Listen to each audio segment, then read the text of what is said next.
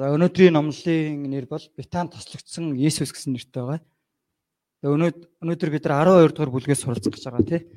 Тэгэхээр 11 дугаар бүлгийг амлалтын баяраар суралцах учраас алгассан байгаа. Тэгээд 11 дугаар бүлэг дээр өгсөн байсан Лазарыг үхлээс амьлуулсан тэр Есүсийн тухай байдаг тий. Харин өнөөдрийн үзэх нэгээс 19 дугаар хэсэг болохоор яг энэ үйл явдалтай холбоотойгоор үргэлжилж байгаа тийм өрнөж байгаа тэр зүйл байна тий. Тэгээ өнөөдрийн номлолоор а өөрт байгаа үнэрт тосыг Иесусийн хөлд асгаж байгаа Мария болон дудран унаж Иерусалимд ирж байгаа Иесусийн талаар суралцах болно. Эндээс бид Иесусийг хэр хэмжээгээр бас хэрхэн хүндэтгэн мөргөх ёстойг суралцж чадахыг хүсэн гуйж байна. На нэгдүгээр хэсэг Иесусийг тосолсон Мария. Нэгдүгээр ишлэгийг харцгаая. Алгасал баяраас 6 өдрийн өмнө үхлээс амьлуулагдсан Лазарын байсан Битанд Иесус иржээ гэсэн. Алгасал баяр болоход ойрцсон байна те 6 өдрийн өмнө. Иесус Битанд тосгонд ирсэн байна. Битанд тосгон бол Иерусалимаас холгүй те Иерусалимийн хажууханд байдаг жижиг тосгон байна. Энэ тосгонд Лазар болон түүний дүү Мария, Марта нарын амьдардаг байсан те. Тэгээ Иесус тэдний зочилж ер нь ойр орхон гэж очиж очдог тэдэнтэй нөхрөлдөг байсан баг. Тэгээд очлон очих болгонд Есүсийг сайхан хоолоор дайлдаг бас тэдэнтэй сайхан гэрчлүүдийг хуваалцаж нөхрөлдөг байсан. Харин энэ удаа Лазар өглөөс амьлаад удаагүй байсан. Тэгээд Есүст зориулан онцгой тэр баярын зоогийг тэд бэлдсэн байсан баг. Лазар хичнээн баяр хөөртэй бас аз жаргалаар дүүрэн байсан болоо. Төсөөж үзээрэй те үхлээс амилсан тэр Лазар ямар их баяр хөөртөө Есүсийн хажууд тухлан суугаад тэр гэрчлэлийг хуваалцаж Есүсийг тэр баяр хөөртөөгөр гэрчилж байсан болоо гэж. Гэрт нь ирсэн зочдод намайг амьлуулсан Есүс бол энэ байгаа юм а гэд. Тэ? Баяртайгаар тэр багталтайгаар гэрчилж байсан. Тэр амьлалтын гэрчинд би юм шүү дээ гэл тэ.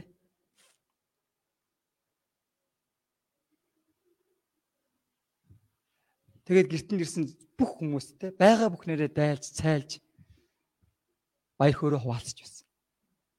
Харин Мартагийн хувьд яасан бэ? Ах Лазарыг нь амьлуулсан Иесусийн дэр ивэлийг санаад баяр хөөртөгөр хоол цайгаар үйлчилж зоог бэлдэж завгүй байсан баг. Харин Маригийн хувьд Иесуст ямар нэг зүйл хийхгүй л ерөөсөө болохгүй те зүгээр сууж чадахгүй байсан юм шиг байна. Тэгээд Нэг харсан чинь Мари байхгүй байсан. Алга болсон байсан. Марта магадгүй бухимдсан баг. Мари Марта магадгүй бухимдсан баг те. Энийг ажлын хажуугаар Мари хааччихва. Хаашаа алга болчихва гэл те. Хүмүүс тэр үйлчлэхгүй тэр цай хоол зөөхгүй гэл. 3 дугаар эслийг харцгаая те. 3 дугаар эслийг харуул. За хамт уншия. Тэгтэл за гэлээ. Тэгтэл Мария маш үнэтэй цэвэр наардын 1 литр үн тосыг аваад Есүсийн хөлийг тослож үсээрээ арчив. Гэрн тосны анхлан үнрээр дүүрлээ. Яг энэ үеэр Мария гаднаас орж ирсэн тий. Тэгээ гартаа нэг варта тос үнэр тосоо барьсан байсан. Тэгээ хүмүүс Марийг харахтаа хүндтэй зочин Есүсийн төлөө тэр наардын үнэр тосноосоо толгой дээр нэг хоёрыг одоо туслыг л тусайхан дээ гэж бодож исэн баг. Харин Мария юу исэн бэ? Нөгөө савта тосоо Есүсийн хүлд бүгдийг нь асгасан. Бүгдийг нь асгасан. Тэгээд эзэн Есүсийн хүлийн өмнө сөхрөөд өөрийнхөө тэр үсээрээ хүлийг нь арчсан баг. Тэр даруй гэрээр нь дүүрэн тэр анхлан үнээр түүрч зочдын тэр уур амьсгал гинт өөрчлөгдөж сонирм болсон. Маригийн энэ үйлдэл хэний ч нүдээр харсан үнэхээр ойлгомжгүй хэд үрлэгэн тэнэг үйлдэлчийг харагдаж байна. Иесусийн шав Скоротын Юдас хэлсэн байдаг. Яагаад энэ тосыг 300 динараар зарж ядууст өгсөнгүү вэ гэж. Яг үндэ Юдас л ингэж хэлж байгаа болохоос биш үү? Магадгүй тэнд байсан бүх хүн хайрын тос гэж халаглаж халаглаж байсан баг тийм. Тухайн үеийн уламжлалаар гэрт нь хүндтэй зочин ирэх юм бол чин сэтгэлээрээ хүндэтгэж байгаагаа илэрхийлээд толгой дээр нь энэ тосноос те өмнөх тосноос 1 2 тостыг л тусаадаг байсан баг. Мөн энэ тосыг оршуулгын яслал бас бэлтгэдэг хэрэгэлдэг байсан те. Гэтэл Мария толгой дээр нь биш бүр хөл дээр нь те. Тэгээ нэг литр тосыг бүгдийг нь асгасан. Тэгээ энэ тос нь энтгэх усаас импэрлж оруулж ирдэг маш үнэтэй тий ховор тийм тос. Тэгээ нэг литр нь 300 динарын үнэтэй гэж байгаа тий. Тэгээ тухайн үеийн одоо жирийн ажилчны нэг жилийн цалинтай тэнцвүүц. Тийм өртөгтэй байгаа. Тэгээ Монгол хүний өнөөдрийн одоо Монгол хүний дундад цалингаар ботох юм бол хэдэн төгрөг болох вэ? Янз бүр байж магадгүй тий. 9-с 10 сая юм уу? 10 гаруй сая ч юм уу тий? Тэр хавцаа.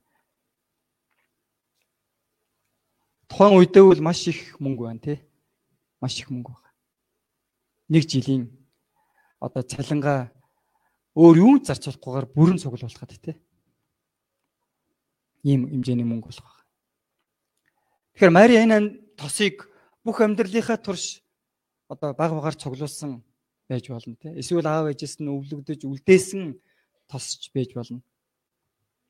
Ямар байсан ч Маригийн хувьд энэ тос бол зүгээр нэг одоо үнд хүрэх үнэт одоо эдлэл ч юм уу эсвэл алт ч юм уу төдий зүйл байгаагүй. Хамгийн үн цэнтэй зүйл нь байсан. Хамгийн үн цэнтэй зүйл. Учир нь тухайн үед эмэгтэй хүн нөхөрт гарахтаа энэ тосыг хурмын инж болгон хэрэгэлдэг байсан. Тиймээс гэрлээгүй бүсгүйчүүд хурминд болон ирээдүйн амьдралдаа хэрэглэхийн тулд үнэр тосыг баг угаар цуглуулдаг байсан. Марияч гэсэндээ өөрийн ирээдүйн нөхөртэй зориулахын төлөө мөнгөтэй болохоор л аль болох тос худалдаж авч тусал туслаар цуглуулсан баг. Ийхүү тос нь баг багаар нэмэгдэх бүртэл те ирээдүйн амьдрал нь баталгаатай болж сайн нөхөртэй сайхан гэр бүлтэй болно гэж бодон мөрөөддөг байсан биз. Тухайн үеийн эмэгтэйчүүд сургууль сурч ажил хийж мөнгө олно гэсэн ойлголт байгаагүй. Энэ зүйл одоо ислам шашинтай орнд гэсэндээ өнөөдрийг хүртэл бас байгаа зүйл баг тийм.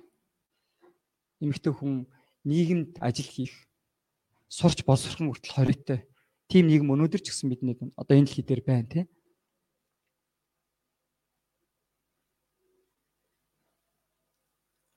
Тийм учраас ирээдүйн амьдралын мөрөөдөл нь ерөөсөө сайн нөхөртөл болвол амьдралынх нь баталгаа болж байгаа.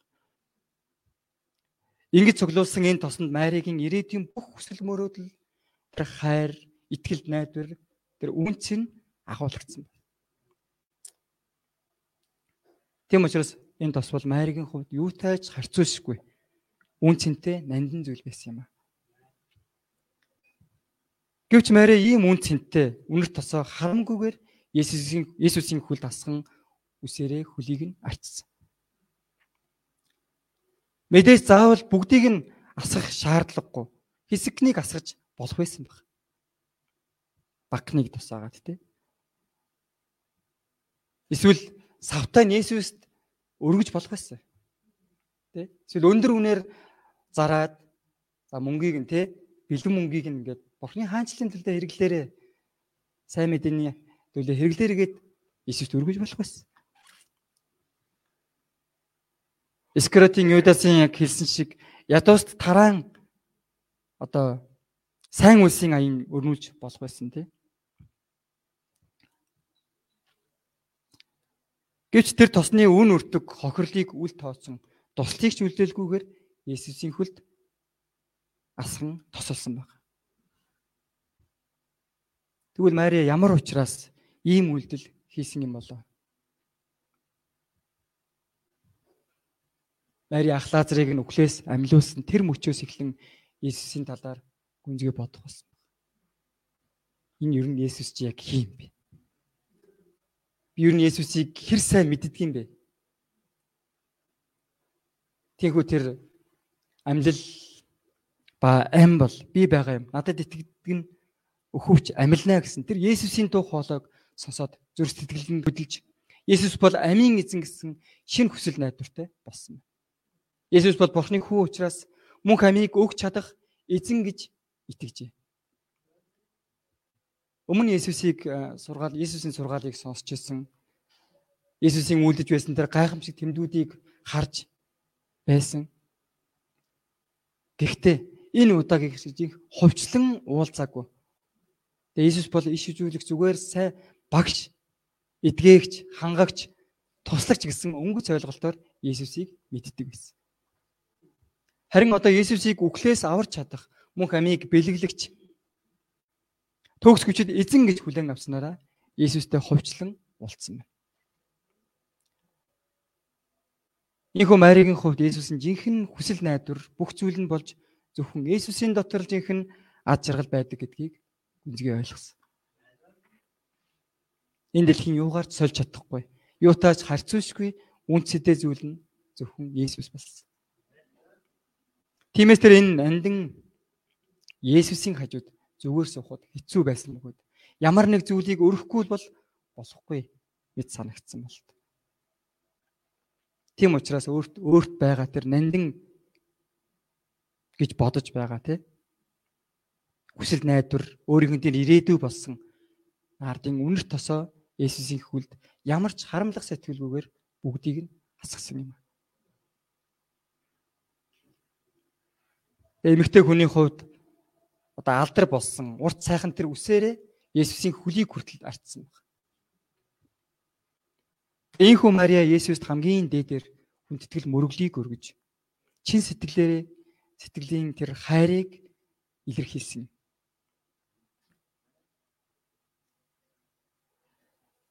Хүмүүс хамгийн үн цэнтэй гэж боддог зүйлээ зүйлдээ тэ зүр сэтгэл, хүч хөдөлмөр, цаг хугацаа, мөнгөө зарцуулдаг. Тийм үү? Үгүй юу? Тэгээ түүнийг олж авснараа аз жаргалтай болохыг хүсдэг тий. Гэхдээ юуг хамгийн чухал одоо зүйл вэ гэж бодож байгаа нь бас чухал байгаа тий. Тэгвэл бодож үзээрэй. Өнөөдөр миний хувьд, таны хувьд хамгийн үн цэнтэй зүйл юу вэ?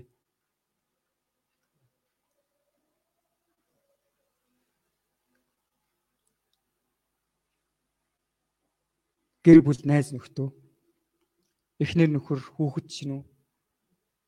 Эсвэл мөнгө ажил мэрэгжил чинь үү?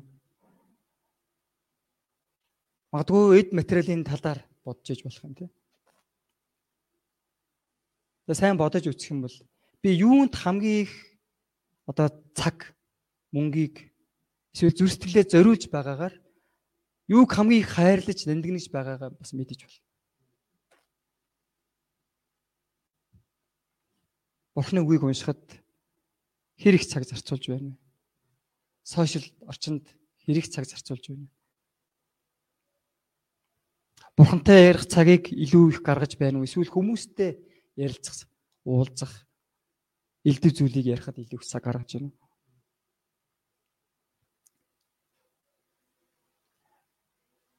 Зарим эмэгтэйчүүд манай цуглаанд байхгүй магадгүй байхгүй хал та мэдээж байхгүй гэж бодож байна. Эмэгтэйчүүд тийм эмэгтэйчүүд байдаг те. Одоо нөгөө гоо сайхан ертөнцийг аварнаа гэсэн уриаттайгаар гоо сайханда гадаад үзэмжиндээ те хамаг анхаарлаа хандуулдаг. Өглөө босоод ерөөсөө нүрээ бодоход л хувцлахад л баг цагийг зарцуулдаг ч юм уу. Тийм хүмүүс байдаг те. Тэгээ түүндээ ерөөсөө мөнгө харамлдаггүй. Харин эрчүүдийн хувьд яадаг вэ? Хайртай эмэгтэй бүсгүйхээ төлөө юугаач зориулахад бэлэн байж идэг. Хамгал тэр тэмдэглэл баяр, ойн баяр, төрсөн өдөр, Валентин, Март тэр болгоныг алгасахгүйгээр аль болох сюрприз барьж тэр одоо хамгийн үн цэнтэй тэр бэлгийг өгөхийг хичээдэг, баярлуулахыг хичээдэг тий. Түүндээ маш их ач холбогдол өгдөг. Ягаад гэвэл тэр бүсгүй тэр хүний эртний хувьд үн цэнтэй байж тий. Эцэг эхчүүдийн хувьд яаж вэ? Хүүхдийнхээ төлөө, өр хүүхдийнхээ төлөө, өр хүүхдийнхээ боловсролын төлөө үнтэй одоо сургууль сургадаг ч юм уу? Эсвэл секц дугууланд хамруулдаг ч юм уу? Эсвэл одоо юу гэдэг те байгаа бүхнээ зориулахад бэлэн байж идэг.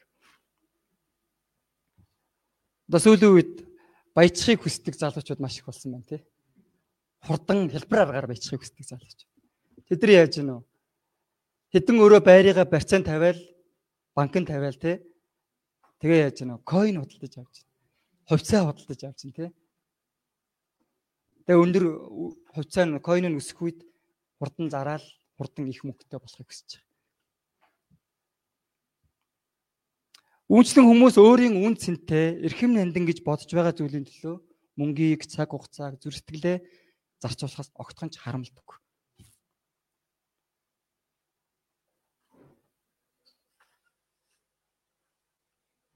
Гэтэ харамсалтай нь хэний ч нүдээр харсан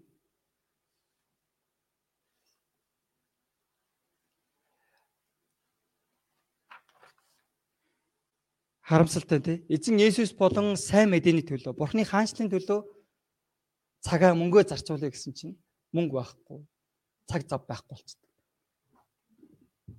Есүсээс гмийн өрсөөл авралын хайр эвэлийг авсан хүмүүс нь Маритийн адил Есүсийг хамгийн нандинд тооцож өөрт байгаа тэр цаг завыг, мөнгийг, зүр сэтгэлийг тэр нандин бүхнээ огтхонч харамлахгүйгээр өргөж чаддаг юм аа.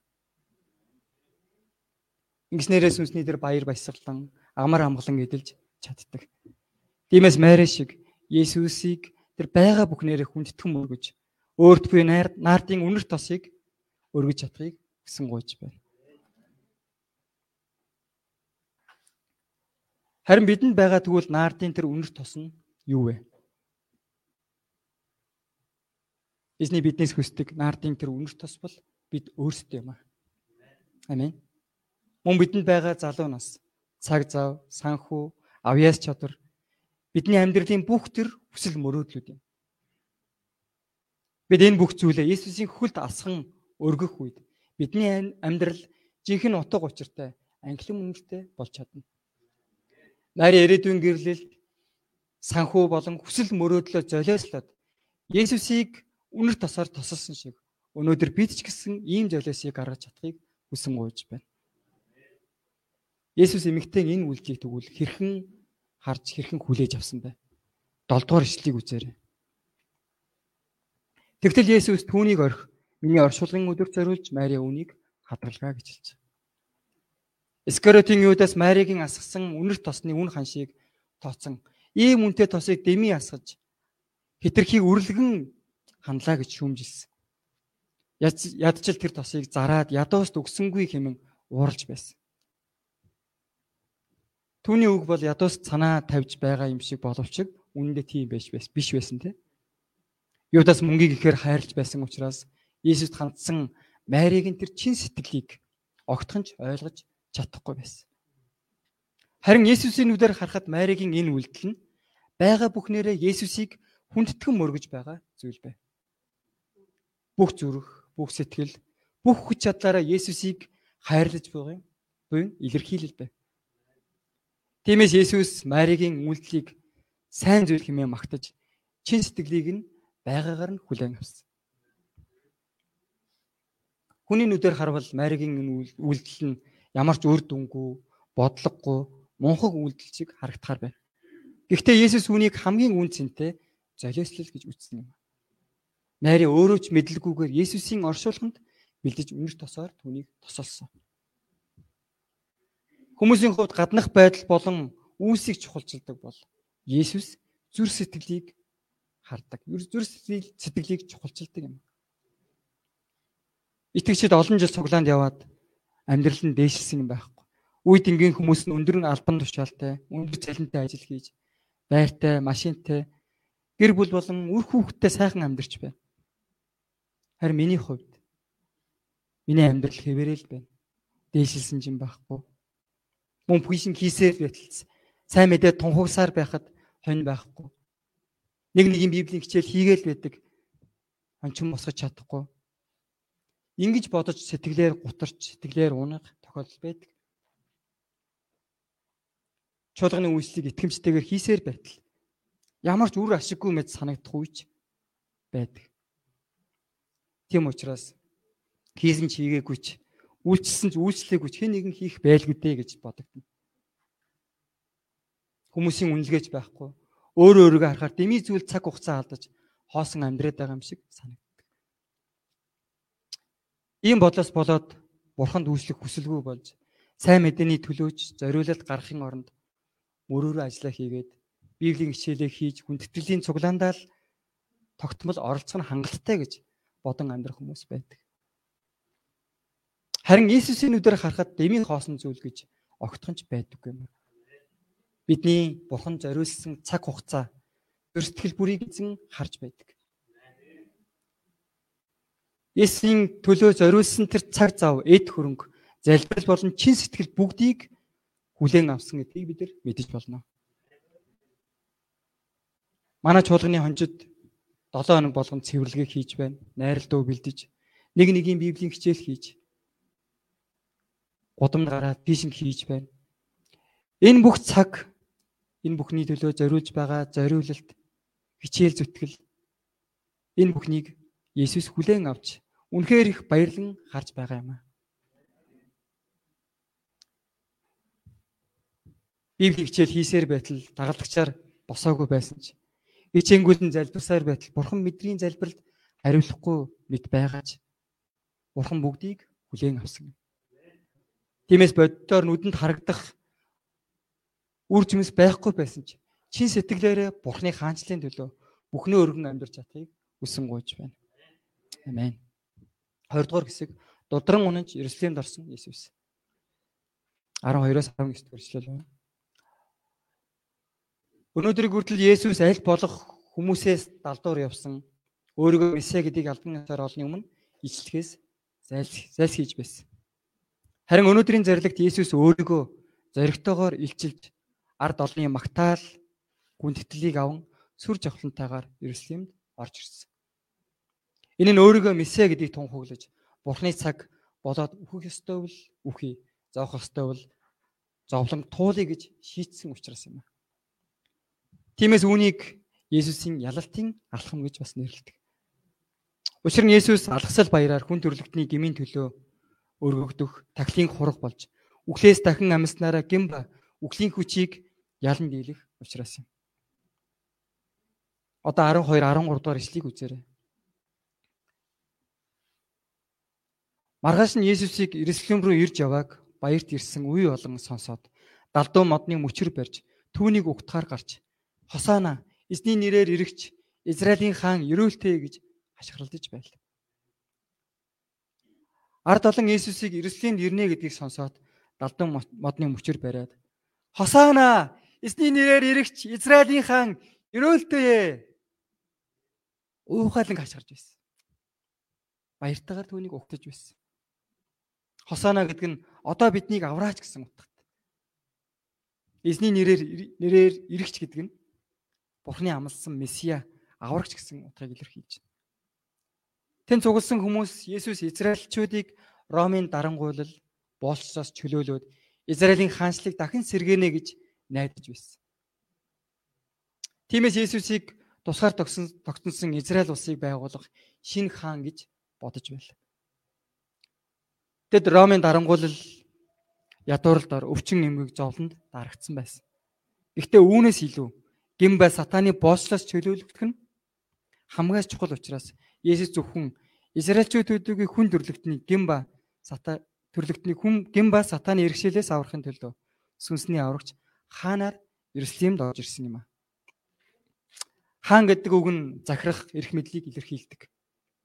Энэ дэлхийн хаад эрх мэдлэлтнүүд өөрсдийн эрх мэдлэр хатуу хууль эсвэл хүч чадлаар ард түмнийг удирдахыг хүсдэг. Гэвч энгийн ардууд зовж хохирол ба дарангуулыг боддоор амсдаг. Өнөөдөр ч гэсэндээ боддоор улс орны удирдагчид эрх мэдэлтнүүд сатааны иргэшэл дор байгаа учраас аллах дайн балдаан эвдрэл сүрэл шудраг бас байдал өршөлдөөнөөр дүүрэн байна. Орос Украины дайн бол үүний нэг жишээ юм.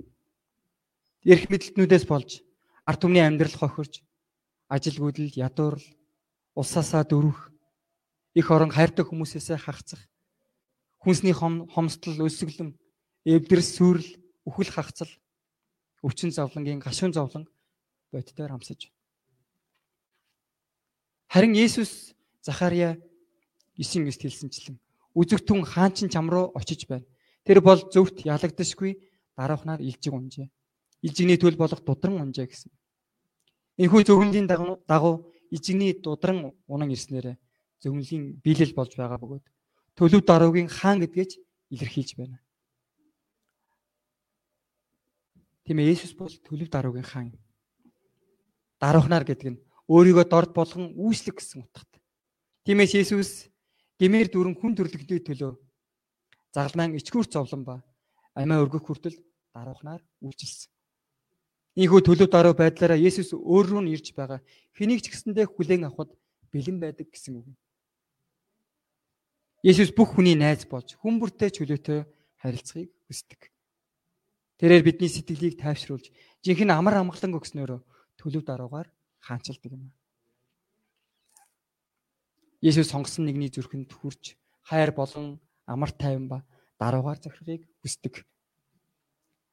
Гин болон сатаны ноёрхол дор айдас төгшөөр санаа зовёроор дүүрэн амьдардаг нэгний месиа хаан болохыг хүсдэг юм. Тиймээс хинч Есүсийг өөрийн хаанаар хүлээн авахд даруухнаар захирдаг. Түүний захиргаанд дор хайр ба амар тайвныг дүүрэн амсаж чаднаа. Дүгнэлт. Өнөөдрийн сургаал нь Есүсийг хүндэтгэн мөргөж байгаа Мария болоод төлөв даруугийн хаанаар ирсэн Есүсийг заан өгч байна. Есүс бол магтаал хүндэтгэлийг авах зохистой амийн эзэн төдөөгүй бүх хаадын хаан юм а.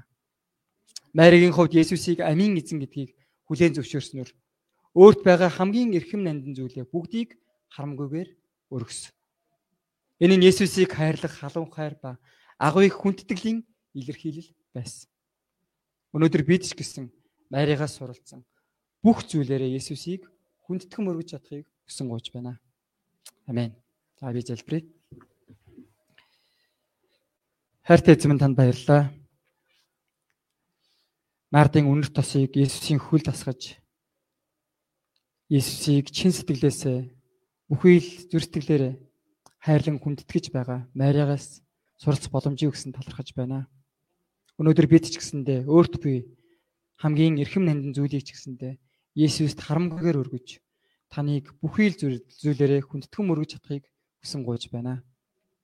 Энэхүү үгийг ч гэсэндээ үргэлж зүрхтгэлтэй хадгалж бас бодитоор амьдрал дээр хэрэгжүүлэн үржимстэй амьдрч чадахыг хүсэн гуйж байна.